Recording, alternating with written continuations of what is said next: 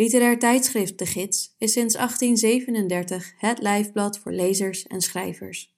En sinds kort ook voor luisteraars.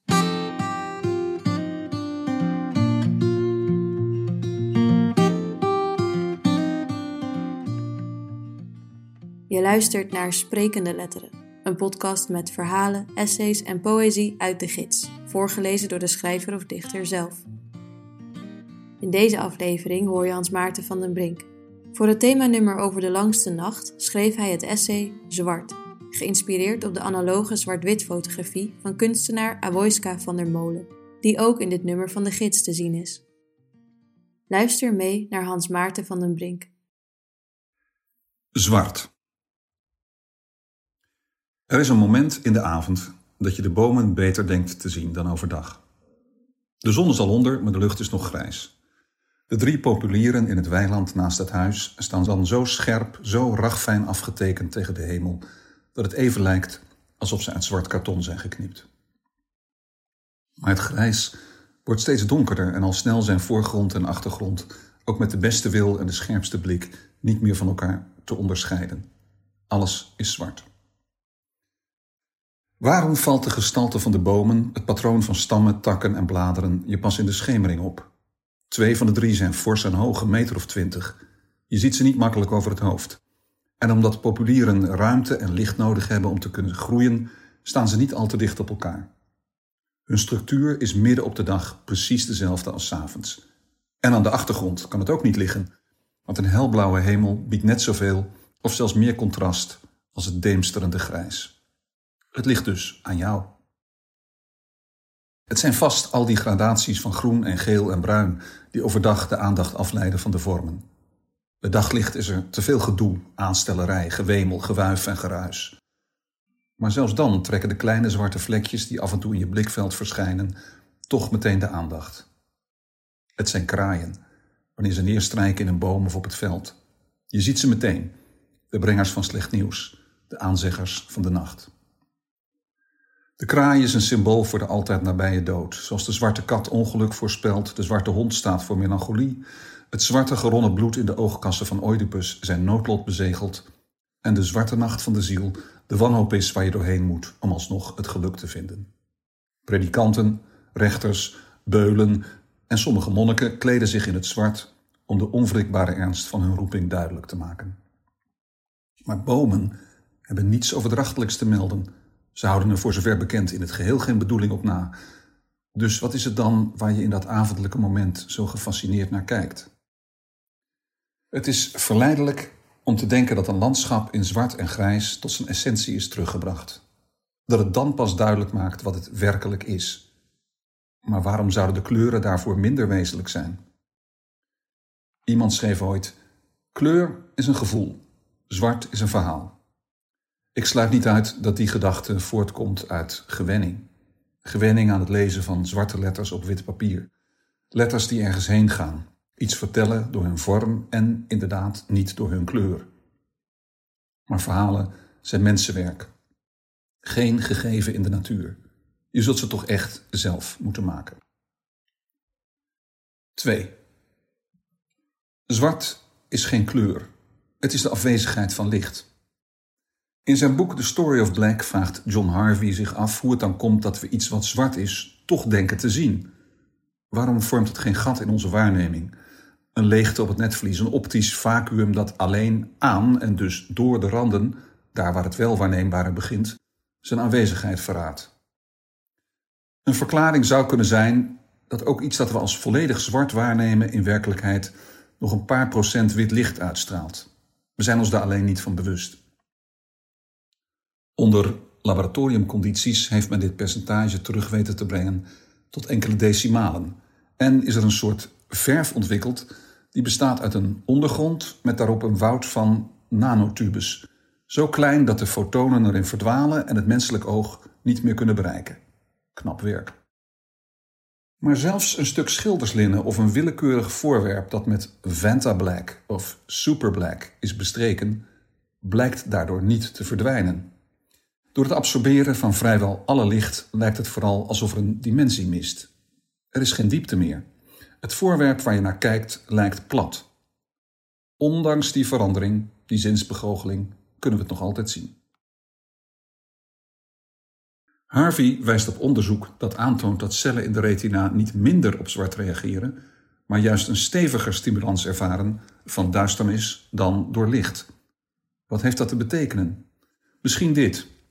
Volgens sommige evolutiebiologen zou het heel goed zo kunnen zijn dat het voor onze alleroudste voorouders, de micro-organismen, belangrijker is geweest om van het licht naar de duisternis te zwemmen dan omgekeerd. En voor hun verre nageslacht, de mensen en de dieren, om zo'n duistere plek meteen te herkennen, een kuil of een grot diep in een donker woud, die beschutting en veiligheid tegen vijanden biedt.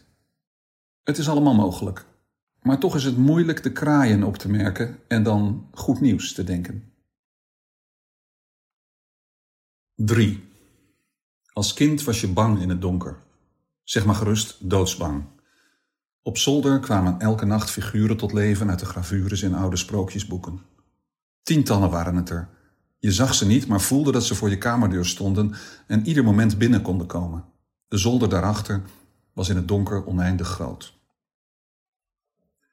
De boeken waren nog van je grootouders geweest en zelfs toen je al lezen kon, gaven de gotische letters maar moeizaam hun betekenis prijs. De afbeeldingen met hun vele schaduwen lieten daarentegen niets aan de verbeelding over. Er waren struikrovers die hun slachtoffers de hals afsneden, heksen die kinderen vetmesten, kobolden, duivels, reuzen en achter een kastdeur, een boom, een rotsblok of warrig gearseerd struikgewas kon altijd zomaar een knokige gestalte verschijnen. Een geraamte dat slechts in een schamele doek was gehuld en akelig wit afstak tegen de donkere achtergrond. Met soms een zeis in de hand, maar altijd een grijnslag om de kaken. De schrik bij het omslaan van een bladzij overdag.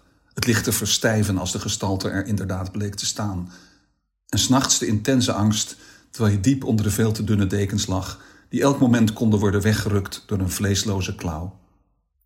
Dat alles herinner je je nog, maar bang ben je er niet meer voor. Herinneringen zijn aan een plek gebonden. Ze kunnen niet zonder. Ze zijn niet alleen een gedachteconstructie, ze horen ook ergens in de fysieke wereld thuis. In een boek, achter een steen, op een zolder, op een plaats die ooit zichtbaar en tastbaar is geweest. Zonder die beelden kun je de angst van vroeger niet meer tevoorschijn halen. En overigens ook het plezier niet, de verbazing, de ontroering. Maar herinneringen bestaan niet één op één. Ze zijn veel kleiner dan het geleefde leven. Het zijn gebeurtenissen die gecomprimeerd zijn, daarna opgevouwen in de plooien van de tijd, die daarmee zelf een soort landschap is geworden, en tenslotte in je hoofd gestopt. Je denkt dat je ernaar kunt terugkeren wanneer je wilt, wanneer je ze zoekt, maar het zoeken heeft niet altijd succes. Soms is die terugkeer ook gewoon iets wat je overkomt, en niet altijd aan genoegen. Maar wat je vindt, gewild of ongewild, is hoe dan ook van gedaante veranderd. Niet alleen kleiner, vaak ook anders van toon en tint. Het biedt genoeg mogelijkheden in elk geval om er een nieuwe betekenis aan te geven. Je angst voor het donker is verdwenen hij is er nog een tijd als iets ondefinieerbaars geweest. Een vage dreiging, zonder de concrete gestalte.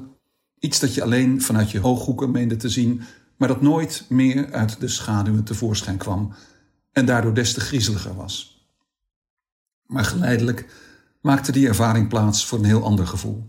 Bijna het tegenovergestelde, namelijk de angst om gevangen te zijn, geen ruimte te ervaren, opgesloten te zijn in een hermetisch heden waarin geen verleden weerkaatst en vooral zonder toekomstperspectief. Wanneer het onbewolkt is, ga je nu dus nachts naar buiten om naar de sterren te kijken. Als het zomer is, ga je in het gras liggen en kijkt omhoog. Het licht dat je ziet is oud, uit een verleden tijd die voor jou de tegenwoordige is en voor de sterren zelf hun toekomst is geweest. Het is een besef dat vaak als duizeligmakend wordt omschreven. Jou biedt het troost.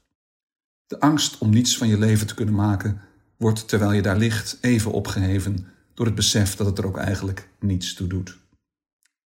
En als er een maan is, worden ook de silhouetten van de drie populieren weer zichtbaar. Twee zijn er groot, de derde is omgewaaid en moest toen opnieuw beginnen.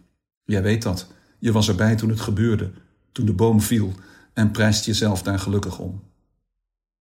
Als de nacht niet gewoon zwart was, maar hermetisch zwart zou zijn, zonder kieren en nog zwarter dan de zwartste verf. Dan zou de hemel als een deksel op de aarde drukken. Dat zou pas griezelig zijn. 4. De fotograaf werkt in een donkere kamer, analoog dus in gradaties. Boven de afbeelding rimpelt de ontwikkelvloeistof en onder haar handen verandert het papier van tint. Wit wordt grijs en zwart. Als ze dat wil, verandert de dag in een nacht. Het is zaak niet te vroeg te stoppen, maar ook niet zo laat dat het papier egaal zwart geworden is, als in een omkering van het scheppingsverhaal. Ze tekent niet met licht in het donker, maar andersom. Ze heeft veel tijd doorgebracht in de omgeving die ze fotografeert. Het duurt vaak dagen voor ze haar camera pakt. En dan nog soms maar één keer op een dag. Er moet eerst iets gebeuren. Er moet een verbinding worden gemaakt. Met het landschap? Alleen het woord al maakt duidelijk dat het om een interpretatie gaat. Landschap is een stuk natuur in een kader, een uitsnede. In het echt hoort alles bij elkaar. De planten, de bomen, de paden, de aarde, de rotsen en natuurlijk de hemel erboven. De wereld is grenzeloos en open. Maar de blik is beperkt, net als het oog van de camera.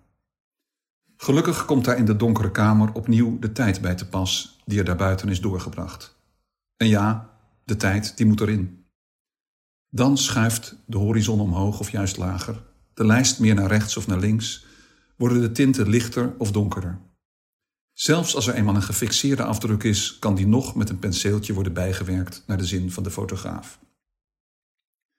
Het resultaat is dus veel meer dan het moment van de opname.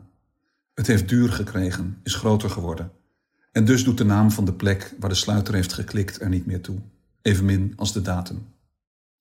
De foto bevat de samengebalde herinneringen van de fotograaf, waarmee het beeld zoiets als een innerlijk landschap is geworden. Als hij wil, voegt de kijker er zijn eigen kleur weer aan toe. Maar waarom zou je?